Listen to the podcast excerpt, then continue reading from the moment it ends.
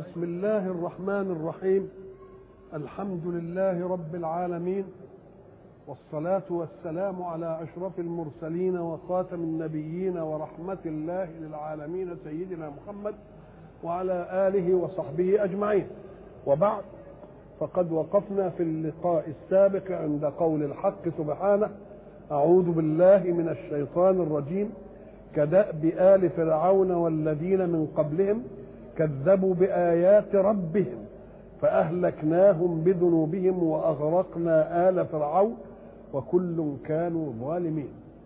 وقلنا إن الدأب الأول والدأب الثاني في الآية الثانية لم يخص قوم بخصوصهم إلا آل فرعون. وبعد ذلك قال وقوم آخرين فكأن آل فرعون لهم مزية. ما هي هذه المزية؟ أن التاريخ لم يترك لنا إلا آثار هؤلاء وآثار هؤلاء آثار ملفتة لدول الحضارة. يعني الحضارات اللي بلغت قمتها يجي الجبت ويتعجبون كيف هذا. هم بقي كدليل على أن القوم الذين وصلوا إلى هذه المنزلة من الحضارة التي تلفت حضارة القرن العشرين إليها هذا دليل على أن صحيح الطمس جاء وإلا فلم يتركوا شيئا يحافظون به على حضارتهم. ثم قال الحق سبحانه أعوذ بالله من الشيطان الرجيم.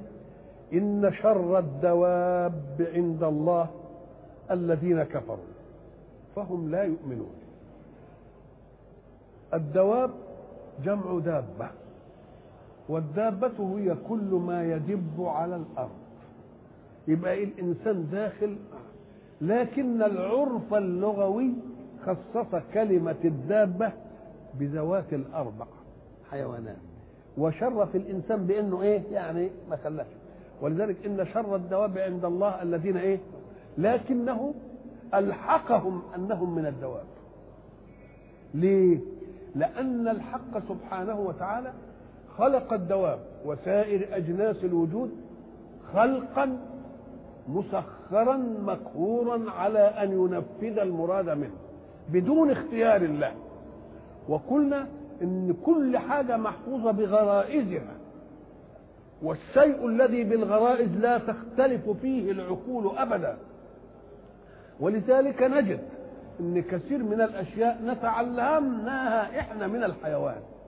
أصحاب العقول يتعلمونها ممن لا عقول لهم. ليه؟ لأنهم مأخوذين بطابع الغريزة المغروز فيهم. فقلنا مثلا إن قول الحق سبحانه وتعالى فبعث الله غرابا يبحث في الأرض. ليريه كيف يواري سوءة أخيه. تعلمنا ولا ما تعلمناش؟ اتعلمنا. إذا فديك محكوم بالغريزة. مش مطلوب منها تكليف لأنها مقهورة على هذا التكليف.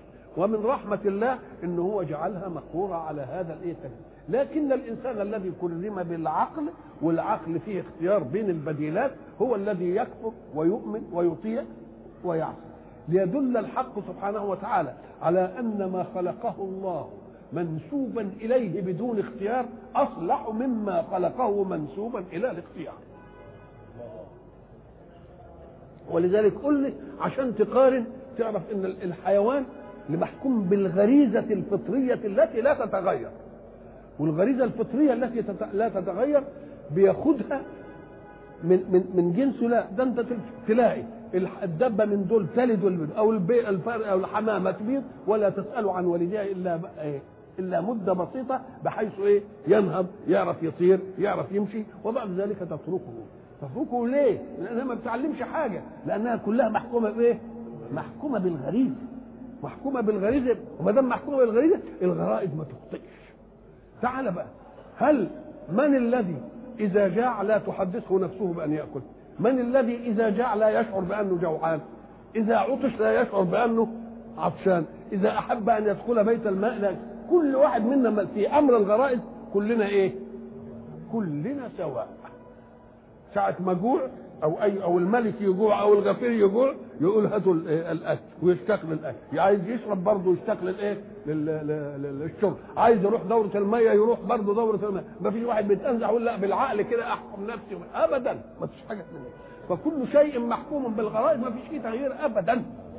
ولذلك قلنا إننا نجرب إن الحيوان يجي في مجرى ماء ونريد أن يعبر هذا المجرى إلى الشاطئ الآخر. لحظه كده تلتفت تلاقي الحيوان لما يشوف مجرى الماء يروح عم باصص له بعينه. بس. فإن كان يقدر يروح مخطش ما يقدرش يقف متربس. تضربه ولا تجيبه أمكنش ابدا لكن الإنسان يقدر. أنا غلطي؟ لا ده أنا سبق لها من بعيد. أنا أجمع لها قوتي. أنا أشيل هدومي عشان ما تحشنيش. أنا وبعدين يا تروح واقع. اذا المحكوم بالغريزة هو إيه؟ ما فيش محكوم بالغريزة مثلا. يجي قلنا زي ما قلنا يأكل. فإذا شبع انتهى كل شيء. تضربه عشان ياخد عود برسيم ولا حباية فول ولا لحمه تب لا يأخذها ابدا. خلاص محكوم بالغريزة. غريزة ما تخطئش وياه لكن تعالى للإنسان بقى ملا بطنه وشبع وقام على يغسل إيديه ويسلك إسنانه. وبعدين يقول له أنت نسيت الفاكهة أنت نسيت البسبوسة أنت نسيت. يروح راجع تاني. الله إيش الحكاية دي؟ يبقى اذا المحكوم بالغريزه ولذلك هل تجد من الحيوانات أمراض كالتي تصيب الإنسان؟ لأنه محكوم بال بالغريزه إلا أن يكون جاء له من من من الإنسان. فساد بيئة الوس مش عارف إيه. يبقى اذا. الدواب اللي محكوم بالغرائز خير من الكفار لأن الدابة مش مكلفة بحاجه وماشية بالغريزة ما خلاص لكن الإنسان المكلف وعقله والى اخره يبقى شر من مين؟ شر من الايه؟ من الدابة ولذلك إحنا قلنا زمان لما تيجي تركب مثلا الركوبة بتاعتك وافرض إنك نعست تفضل ماشية بيك لحد الغاية اللي أنت إيه؟ اللي أنت رايح إيه؟ خلاص. لكن إذا ركبت أنت بقى سيارة وعمال تقودها كده ونعيت آه شوف إيه اللي شوف إيه اللي يحصل. محكومة كده بنظام نظام دقيق. يبقى الإنسان إن لم يتبع منهج ربه يبقى شر من الدابة. لكن إن اتبع منهج ربه يبقى كويس 24 خساراه أن يكون كالدابة. إن شر الدواب عند الله الذين كفروا. ليه؟ لأنه لم يستعمل العقل في أولية الوجود. لم يستعمل العقل في أولية لأنه كان يجب إنه ساعة ما أقبل على وجود معد له هذا الإعداد. شمس عمالة بتنير نصف الكون وقمر عمال ينير الليل ونجوم عمالة تتلألأ تهدينا للسبيل ومطر ينزل علينا وظل كل الحاجات دي. بقى ما كانش يفكر في مين اللي عملها دي؟ لازم كان يفكر. يبقى اللي بيفسد علينا أن لنا عقول ولنا الايه اختيار. لو أن العقول والاختيار مشيت على المنهج الذي وضعه صانعنا وخالقنا لكنا نبقى عال ومستقيمه الأمور لنا كما استقامت للدواب ولله إن شر الدواب عند الله. الذين كفروا ستروا الوجود فهم لا يؤمنون بموجود له حق أن يشرع كما كان لهم حق أن يوقتهم ويدي لهم الفهم الذين عاهدت منهم ثم ينقضون عهدهم في كل مرة. تكلم على القوم اللي هم بيحاربوا والحرب والبتاع وكل. وبعدين تكلم عن الجماعة اللي إيه اللي بيبقى فيه إيه معاهدة بينهم وبين بعض عشان نكف تكف شرك عني وأكف إيه عني والرسول صلى الله عليه وسلم أول ما نزل المدينة عاهد اليهود. إعطاهم وأخذ منهم. هل ظلوا على وفائهم بالعهد؟ بنو قريظة مثلا. عاهدوا رسول الله صلى الله عليه وسلم. ولما جت موقعة بدر أمدوا كفار قريش بالأسلحة. فنقضوا العهد. وبعدين رجعوا تاني فالنبي ادالهم عهد تاني. جم في, مو... في غزوة الخندق وظاهروا مين؟ وظاهروا برضه قريش. إلى أن جاءت الريح و... و... و... و... وبددت شملهم شمل الجميع. تعال الأول الذين عاهدت منهم وهم بنو قريظة ثم ينقضون عهدهم في كل مرة. وهم لا يتقون. يتقون إيه؟ يتقون الله الذي يؤمنون به لأنهم أهل كتاب يعلمون خبره من التوراة ويعلمون خبره من موسى. مش جماعة ما لهمش كتاب؟ فهم لا يتقون الله أو لا يتقون نتائج إنهم يخلفوا الإيه؟ لا يخلفوا العهد.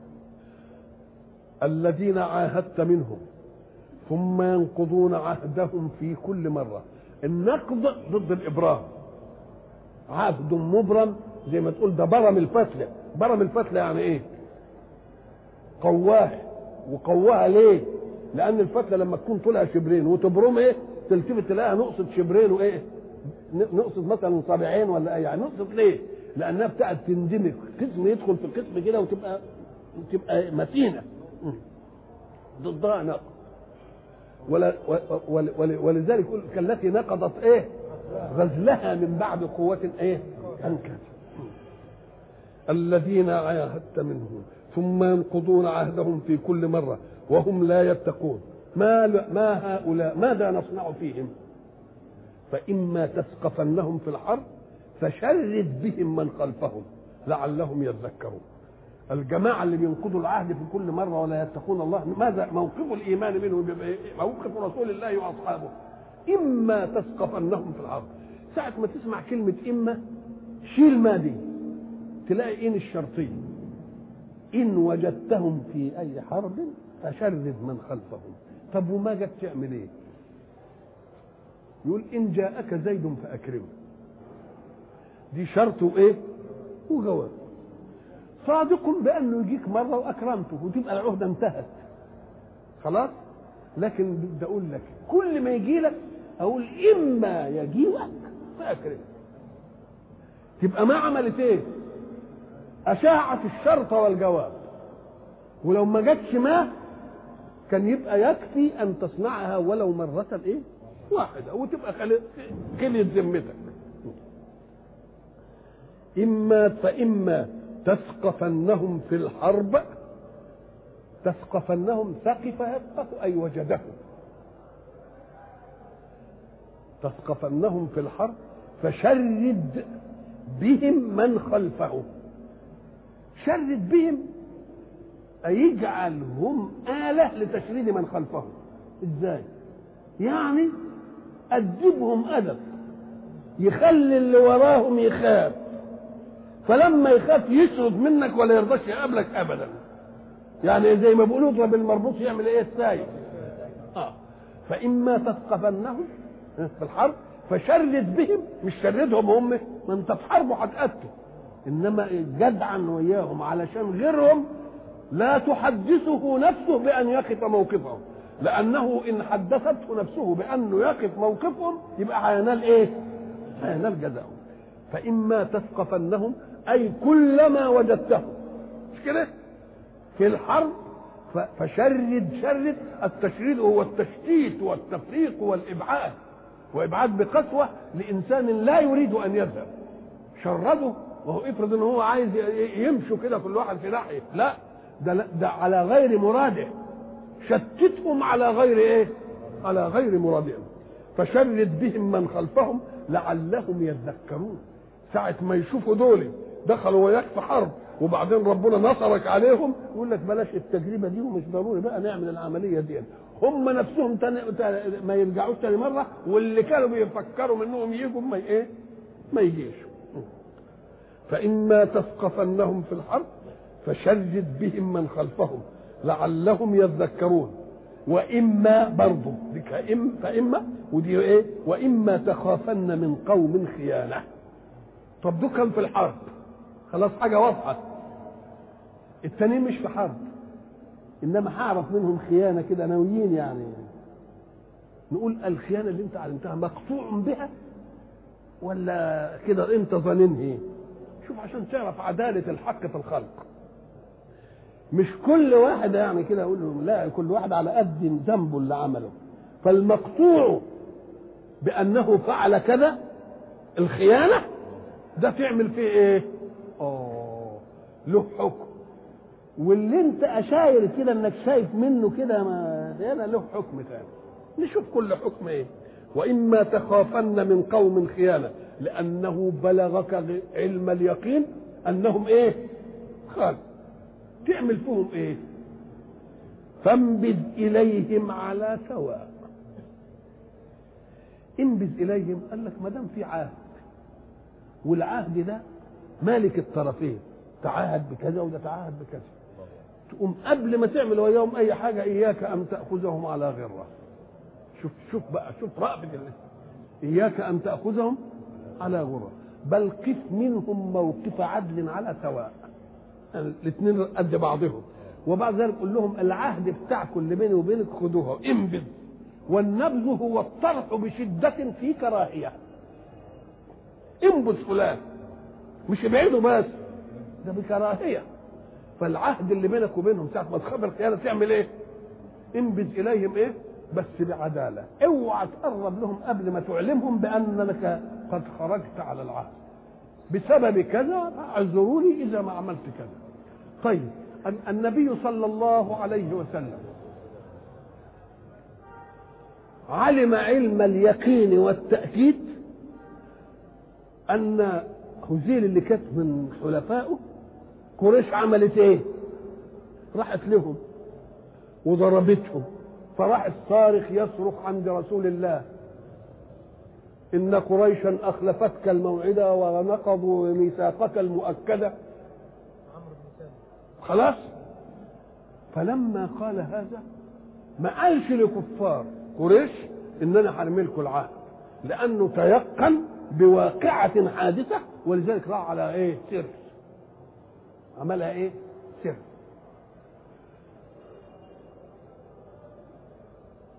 وإما تخافن من قوم خيانة فانبذ إليهم على سواء. يبقى طرح العهد لمن؟ طرح العهد لمن تعلم إنه يمكن عنده شبهة خيانة.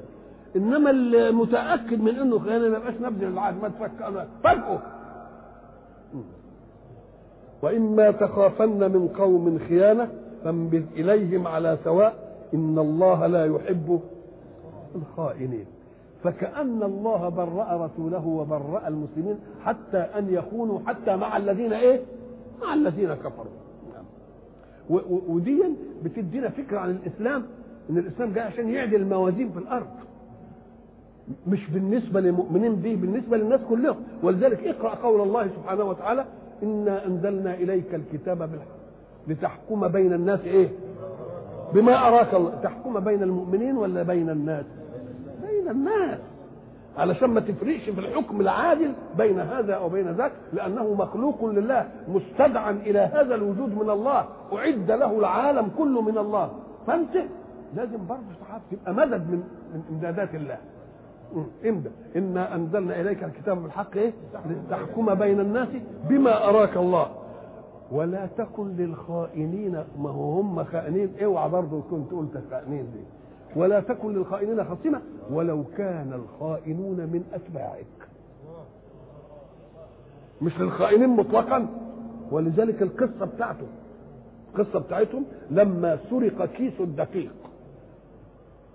وبعد ذلك اللي سرقه حطه عند واحد يهودي. الدرع كان في كيس بتاع دقيق. فلما سرقه وداه عند مين؟ يهودي اللي هو زيد بن السمين خلاص؟ والدرع بتاع قتال. فلما سرقوا المسلم قعدوا الدقيق من, من, من غفلة الراجل. ما هو لازم ربنا يترك للحق إيه؟ لكن منافذ كده عشان القاضي يهتدي بيها يقول لك دي كده عشان ما يطمس الحق كده. فلما جم وجدوا الدرع عند مين؟ قعدوا يمشوا وراء كده أثر الدقيق. لحد ما وصلوا لمين؟ لزيد بن السمين اليهودي والدرع عنده. فلما مسكوه قالوا الدرع انت قال مش أنا ده ده لي مسلم. أنا ماليش دعوة بيه. فالمسألة رفعت إلى رسول الله. المسلمين قال لو حكم رسول الله ضد المسلم مع إنه هو اللي سارق طعم ابن أب ابن أب أبيريق. هو اللي سارق. وهو مسلم. والدرع متهم في مين؟ في اليهودي فرسول الله قعد يسمع منهم قالوا إن حكمت لليهودية على المسلم هتبقى حكاية إيه والمسلمين يبقوا في خسة وفي دناءة. فالنبي كده بقى إيه الحكاية دي؟ فتنزل له الآية تعصمه من تعدد خواطره في هذه المسألة. إنا أنزلنا إليك الكتاب الحق لتحكم بين الناس بما أراك الله. ولا تكن للخائنين خصيما. لا تكن للخائن أي لصالحهم ما تكونش مدافع عنه. إن الله لا يحب إيه؟ من كان خوانا إيه؟ خصيما وإما تخافن من قوم خيانة. بالله لما يشوفوا الناس اللي موجودين دول وبعد ذلك يشوفوا أن حكم الله بين الناس. لم يجعل الإسلام ينتصر إلى مسلم وإنما نصره على يهودي. بالله ما يقولوش ده دين. ده دين يجب أن نكون في أحضانه عشان تعرفوا إنهم أغبياء. وإما تخافن من قوم خيانة فانبذ إليهم على سواء بعدل قل لهم أنا طرحت العهد إن الله لا يحب الخائنين ولو كانوا من المنسوبين لمين؟ للإيمان. ولا يحسبن الذين كفروا سبقوا. إنهم لا يعجزون. ولا يحسبن الذين كفروا سبقوا. النبي صلى الله عليه وسلم دخل دخل مع اعدائه في حرب. ففريق قتل وفريق أسر وفريق فر. اللي قتل واللي أسر خد جزاءه ولا لأ؟ واللي فروا فهموا إنهم نفدوا من مين؟ من القتل ومن مين؟ الأسر. فلما يبقوا فارين من القتل والأسر يبقى كأنهم سبقوا. اللي اللي عايز يلحقهم ما وجدهمش. يبقى السبق ما هو السبق؟ هو أن يوجد شيء يريد أن يلحق بشيء أمامه فيسبقه الملحوق.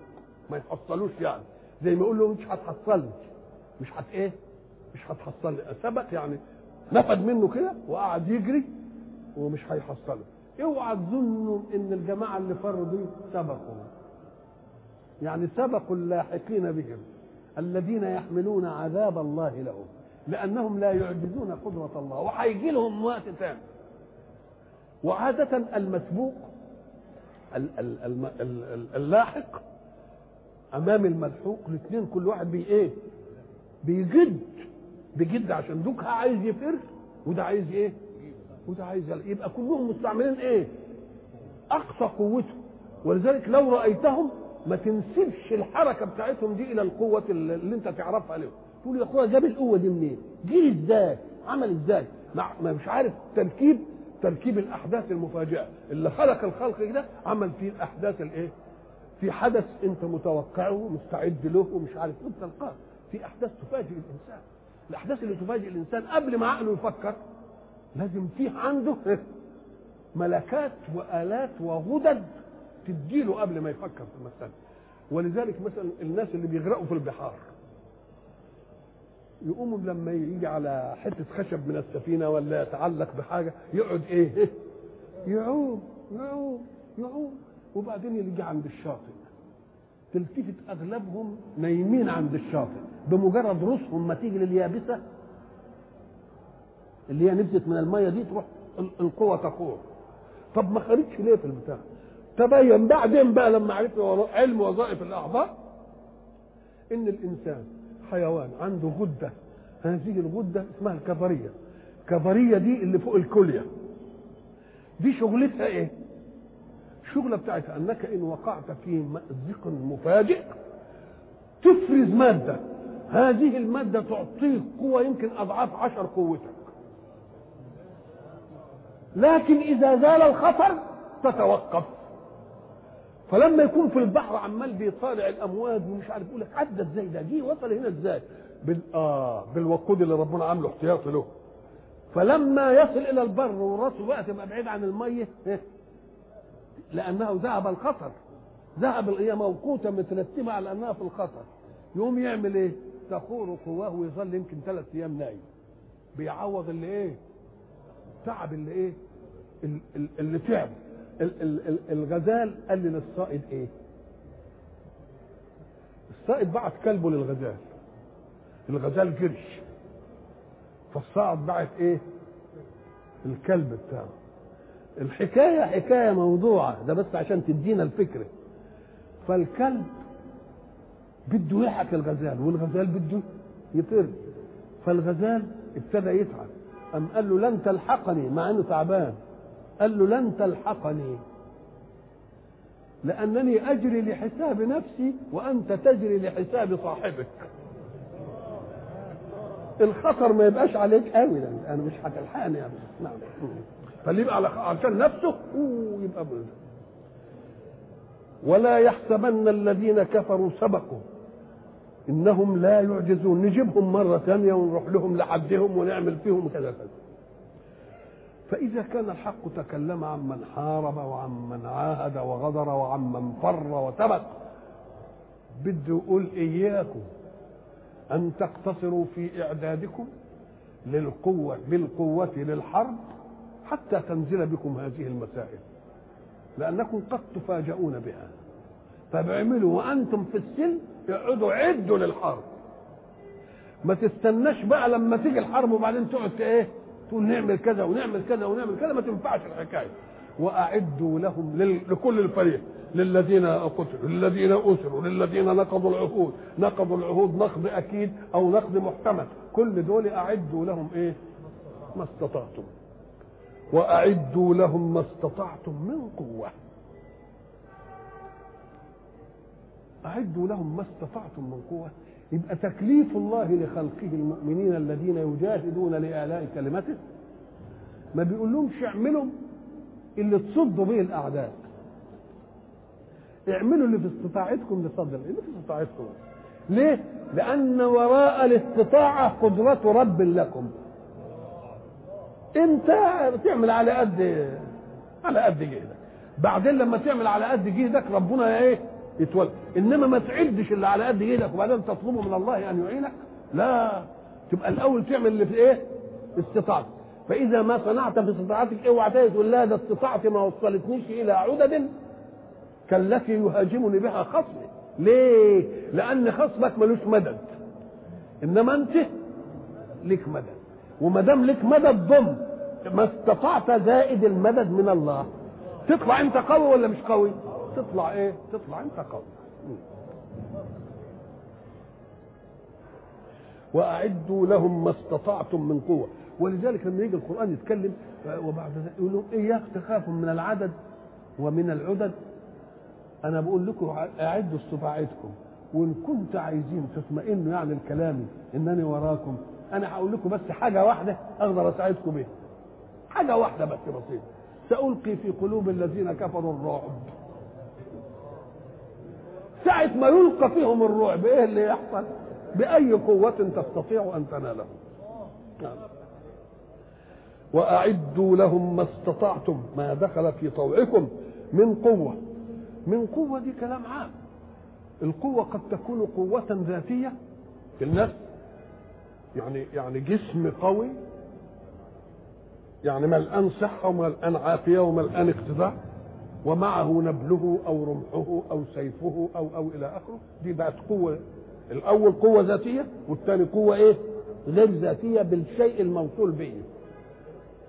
طيب القوة دي يجي لها مدد من إزاي يجي لها المدد؟ أم قال لك شوف الحرب أن تتمكن من عدوك وأن تبعد تمكنه منك تتمكن من عدوك. ولذلك في الحرب أول مرحلة في الحرب النبل النبال. يمسك النبل ويضرب السهم يبقى بعيد. فإذا زحفوا دكهم وبقوا قريبين يجي الرمح فإذا التحموا بك تيجي السيف بقى. اذا أحسن قوة اللي تعمل بها إيه؟ اللي ترمي بها حصمك فتناله وهو بعيد إيه؟ وهو بعيد عنك. لما فسر رسول الله القوة قال ألا إن القوة هي الرمي هي الرمي هي القوة هي الرمي وكررها ثلاثة. الرمي ليه؟ لأنك تتمكن بالرمية من عدوك وهو بعيد عنك لا يتمكن وكلما بقى كانت استطاعتك قوية تجيب القوس بتاع النبل كويس السهم مش عارف إيه الايه الايه الايه وإذا ما نظرت إلى الأحداث التي جاءت بعد الإسلام وجاءت في العصر الحاضر الآلات الحديثة تجد الأسلحة الفاتكة هي الرمي يجي يرمي بالطيارة وهو ويجري. مش كده اللي يحصل؟ يرمي قنبلة تتفجر وهو يجري. ما عادش حكاية الالتحام لأن الالتحام بالسيوف ده بتاع الشجاعة وبتاع جسم أمل جسم. ما عادش الكلام ده دلوقتي. تبقى القوة الباقية إيه؟ ألا إن القوة هي الرمي ألا إن القوة هي الرمي ألا إن القوة هي الإيه؟ ألا إن القوة هي من قوة. وبعد ذلك تكلم الحق سبحانه وتعالى. القوة تبهدل العدو. الرمي يموته. إنما ما يستوليش على أرضه. زي اللي بيضربوا قنابل وبتاع وحاجات زي دي يموتوا الناس إنما الأرض ما قدرش إيه؟ لكن القوات بتاعت اللي إحنا بنقول عليها دلوقتي الدبابات اللي هي قائمة مقام الخيل الآن دي بتاعت الاحتلال بقى. قال أوعى بقى أحسن أنت تفتك بهم إنما أرضهم تبقى تحتهم ما أنت بعيد عنهم. ومن رباط الخيل. عشان ساعة رباط الخيل المفروض تحتل بقى المكان. وإحنا بنشاهد ده في العصور ولا لا؟ يفتكون ويقنبلهم ويعملهم ومش عارف إيه وبتاع. إنما الأرض وبعد ذلك إذا أردنا إحنا تقدمنا ليه مثلا في الحرب اللي هناك؟ بس في الطيارات؟ كنا نهلك اللي عندهم بس. إنما ما ناخدش شيء من الأرض. إيه اللي خلانا ناخد إيه من الأرض؟ بدباباتنا. نعم. ومن رباط الخيل. ترهبون من رباط الخيل رباط. رباط الخيل. الربط العقدة كده المربوط الخيل المربوط لقصد الحرب. مربوط لقصد الايه؟ لقصد الحرب.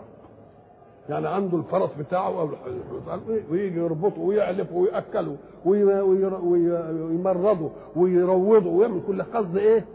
ولذلك يقول صلى الله عليه وسلم خيركم ممسك بعنان فرسه. العنان هو اللجام خيركم إيه؟ ممسك بعنان فرسه. واقف كده ماسك عنان الفرس. كلما سمع هيعة طار إليها. مش يستنى لما يجي يركب ده هو واقف مستنى. شوف بقى الرباط ده شوف اليقظة. شوف الاستعداد إيه شكله. ومن عجيب أمر الأداء القرآني في الأشياء إن هو أراد أن نهلك مكا مكينا وأن نستولي على مكان. فإهلاك المكان المكين بالرمل والاستيلاء على المكان بالإيه؟ بالخيل. انظر بقى إلى الأداء الذي يعلم ما تأتي به الأيام من اختيارات الخلق ثم تجد كل قوة الآن منسوبة إلى الخيل يقول لك قوة عشر حصنة عشر مش عايز عشرين حصان. يعني القوة الأصيلة إيه؟ الوحدة الحصان. زي الشمعة وهي الوقود النور الفطري. هي قوة مقياس الإضاءة يقول لك دي قوة كذا شمعة خمسين شمعة مش عارف إيه إذا فالأشياء المستحدثة وحدتها الأشياء الإيه؟ طبيعي وأعدوا لهم ما استطعتم من قوة ومن رباط الخيل لأن مجرد الإعداد رهبة للعدو إذا شافك عندك كده أمال ما بيعملوا العرض ليه؟ العروض العسكرية اللي بتنعمل عشان إيه؟ عشان تبين لخصومك القوة اللي إيه؟ فلما تبين لخصومك القوة اللي عندك ما يجترئوش عليك. فلما ما يجترئوش عليك يعمل توازن سلمي. ولذلك الذي يحفظ العالم الآن من شرور الحروب المدمرة بين قوتين كبيرتين لكل, لكل واحد منهم قوة اللي بيقولوا عليها الهيدروجونية والذرية إيه اللي مخلي فيه توازن سلمي في العالم؟ خوف رد الفعل. يعني دي ما عملتش اللي عندها خايفة للتانية تعمل اللي عندها. يبقى إيه؟ الإعداد للحرب ينفي مين؟ ينفي الحرب. وأعدوا لهم ما استطعتم من قوة ومن رباط الخيل ترهبون به عدو الله. وعدوكم مش بس عدو الله وأنا مسلطكم عليه ده هو برضه عدو لكم لأنه هيفسد عليكم حياتكم. مش أنا زعلان مش أنا ربنا مش غضبان لأنهم ما أمنوش بيا. ده هم ما أمنوش بيا. اللي اللي غضبنا عليهم انهم ما امنوش بيا عشان ينفذوا منهجي عشان تسعدوا في الدنيا. يبقى عدوي وعدو إيه؟ أحسن تفتكروا إن أنا مأجركم عليهم لأني كارههم نعم نعم ترهبون به عدو الله وعدوكم. شوف بقى الاحتياط وهل العدو كل العدو هو الذي ظهر لك يا رسول الله؟ من كفار قريش ومن اليهود ومن ومن ومن المنافقين. ده في ناس مداريين كتير. يقوم يدينا احتياط تقول له إياك أن تفهم إن أعدائك بس اللي هم ظهروا لك في الميدان دول. ده في ناس إيه؟ واخرين من دونهم. اخرين من دونهم. قال لك آه وحصل ولا ما حصلش؟ وحصل. ولذلك إحنا مثلا العصور الحديثه منيت بآخرين من دونهم. إيه؟ كتير ولا لأ؟ إحنا إحنا لما جاء الإسلام وحارب فارس وحارب مين؟ الروم. وجينا في العصور الحديثه في القرن الحادي عشر وما بعده. مش حاربنا الصليبيين ونعتبرنا ما نحن فيه حرب إسلامية مش آخرين من دونهم. يعني ما هماش دول. يبقى لما تعد ما تعدش على إنهم هم دول لأن إيه؟ اعمل احتياط لأن مش هم دول بس بل آخرين من إيه؟ من دونهم. لا تعلمونهم الآن. الله يعلمهم. ولا تعلمونهم الله يعلمهم يدلك على أن الذي قال هذا الكلام متأكد تمام التأكيد أن أحداث الحياة ستصدقه. افرض بقى إن حصلت كده وانتهت الحرب ولا حصلش إن وجد ناس أعداء وطلعوا ناس يحاربوني كانت القضية دي تصدق. أن لا تعلمونهم إيه؟ الله يعلمهم. وإن كان الإعداد يتطلب منكم نفقات ويتطلب منكم مجهود ويتطلب منكم زمن دون فوق زمن قضاء مصالحكم وحوائجكم فإياكم أن تنقصوا عن الجهاد. لأن كل ما تنفقوا حاجة محسوبة عند الله. دي في حساب منه ودي حساب له. فإياكم أن تقولوا الإعداد يعوز مال الإعداد بده يقطعني عن عن معايشي الإعداد بده يكتر على أولادي نقوم نقول له كل حاجة محسوبة كل حاجة الله. وما تنفقه من شيء. أي شيء. مش مثلا ما تنفقه من حاجة كبيرة لا. من من أي من أي حاجة يقال لها شيء. ولذلك لما جم هناك وأعلموا أنما غنمتم من من شيء. قالوا من شيء دي لو قال واعلموا أنما غنمت ان ما غنمتم فلله إيه؟ خمسه لو ما جابش من شيء دي كان يصح الحاجات البسيطة كده لقى ساعة في البتاع لقى سبحة لقى مش عارف إيه لقى إيه ياخدها لا قال لك من شيء أي من بداية ما يقال له شيء. حتى قالوا إن الخيط اللي يجده عند الغزير لازم يروح للغنائم. الإبره اللي يجدها لازم يوديها لمين؟ للغنائم. ادي أي فايدة من إيه؟ من شيء. هناك وفايدة من شيء هنا. وما تنفقوا من شيء في سبيل الله يوفى إليكم. لأن في بعض الإنفاقات ظاهرها أنها لله وباطلها أنها للشهرة لحب الثناء لكذا لكذا. فعل ليقال وقد إيه؟ تبقى دي مش داخلة في الحساب. ما تبقاش تحاسب تقول أنا أنفقت كذا أقول لا أنت اللي أنفقت لمين؟ في سبيل الله. وما تنفقوا من شيء في سبيل الله يوفى إليكم والوفاء إتمام. هو بس إتمام. وأنتم لا تظلمون. لا تظلمون دي ما تخليش حاجة تنقص منكم. إنما لما يقول هناك من جاء بالحسنات فله عشر أمثالها. يبقى دي بقى تدخل ويانا ولا ما تدخلش؟ تدخل ويانا. حين يقول الله أعدوا لهم ما استطعتم يدل على أنهم لا يفرضوا إن دول عدوهم بس بل في حاجات كتيرة قوي. وما تعدوش وقت الحرب بل أعدوا لهم قبل إيه؟ علشان تخوفوهم بأن عندكم كذا وعندكم كذا فتمتنع للفتنة. وما تنفقوا من خير يوفى إليكم وفاء إيه؟ تام. وأنتم لا تظلمون. وخذ المضاعفات بالقضية الإيه؟ الثانية. مش معنى ذلك إنه أعديتم واستطعتم وعملتم وعملتم إن هذا الإعداد اللي استطعتوه يطغيكم على خلق الله. ما هو الخوف من هنا إن بقى يكون عندك استطاعة وأعددت وعملت وهو إلى آخره ده يخليك إيه؟ تجترئ على خلق الله. إن جنحوا للسلم فاجنح لها. نعم. وإن جنحوا للسلم فاجنح لها. إحنا مش عايزين معركة في الكون. إحنا عايزين الكون يعيش متساند عايزين الكون يعيش فما تأدي بالقوة. أنا عايز القوة عشان تمنع الحرب. عايز القوة عشان تمنع القوة. عشان ترهب بس مش عشان تستعمل. لا. فإذا كانت عندك هذه القوة وأعددت ما استطعت وشجعك على الإعداد أن أن ما يوفى إليك ما أنفقته ومش عارف وأنت لا تظلم اوعى بعد ذلك تغرك هذه القوة. فتعمل إيه على الناس بقى؟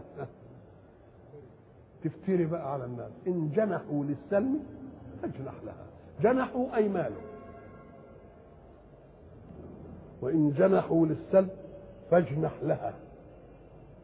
وبعد ذلك إياك أن تقول إنهم يمكن دعوني إلى السلم وجنحت له بيخدعوني. إن حصلت دي أنهم جنحوا للسلم وأنت سالمتهم وإلى آخره إياك أن تقول تلك خديعة ويمكن عايزين يقلبوا عليا ويقولوا فجأة وبتاع. إن أن وراءك الله وإن جنحوا للسلم فاجنح لها وتوكل على الله. وإياك أن تتوكل على شيء مما أعددت من قوة ومن رباط خيل ومن ومن ولا الآخر لأن أنت قصار الأمر تنتهي فيه إلى مين؟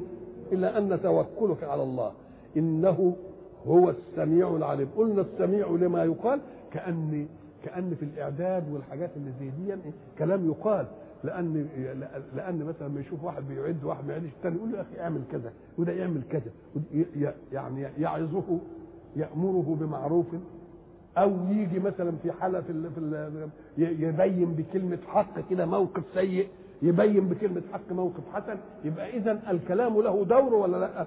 الكلام له دور. والفعل له دور فهو سميع لما يقال وعليم بما إيه؟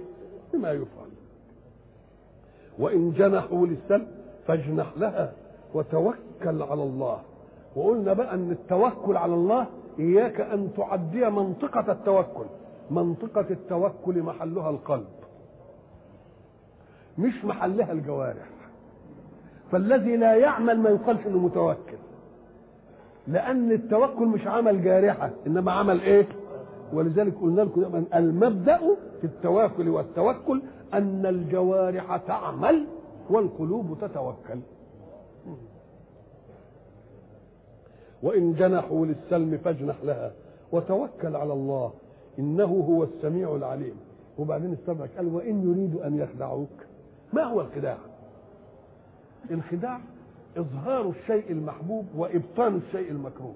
والفلان بيخدعني بيخدعني يعني إيه؟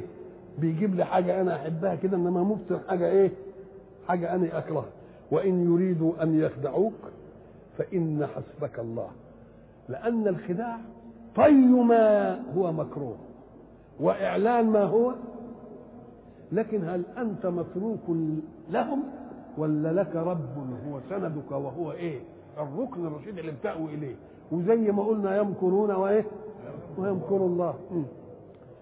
وإن يريدوا أن يخدعوك فإن حسبك الله كافيك قوي هو الذي أيدك بنصره المسألة ما بنقولهاش حسبك الله ما هو أيدك بالنصر على قلة في العدد وقلة في الإيه؟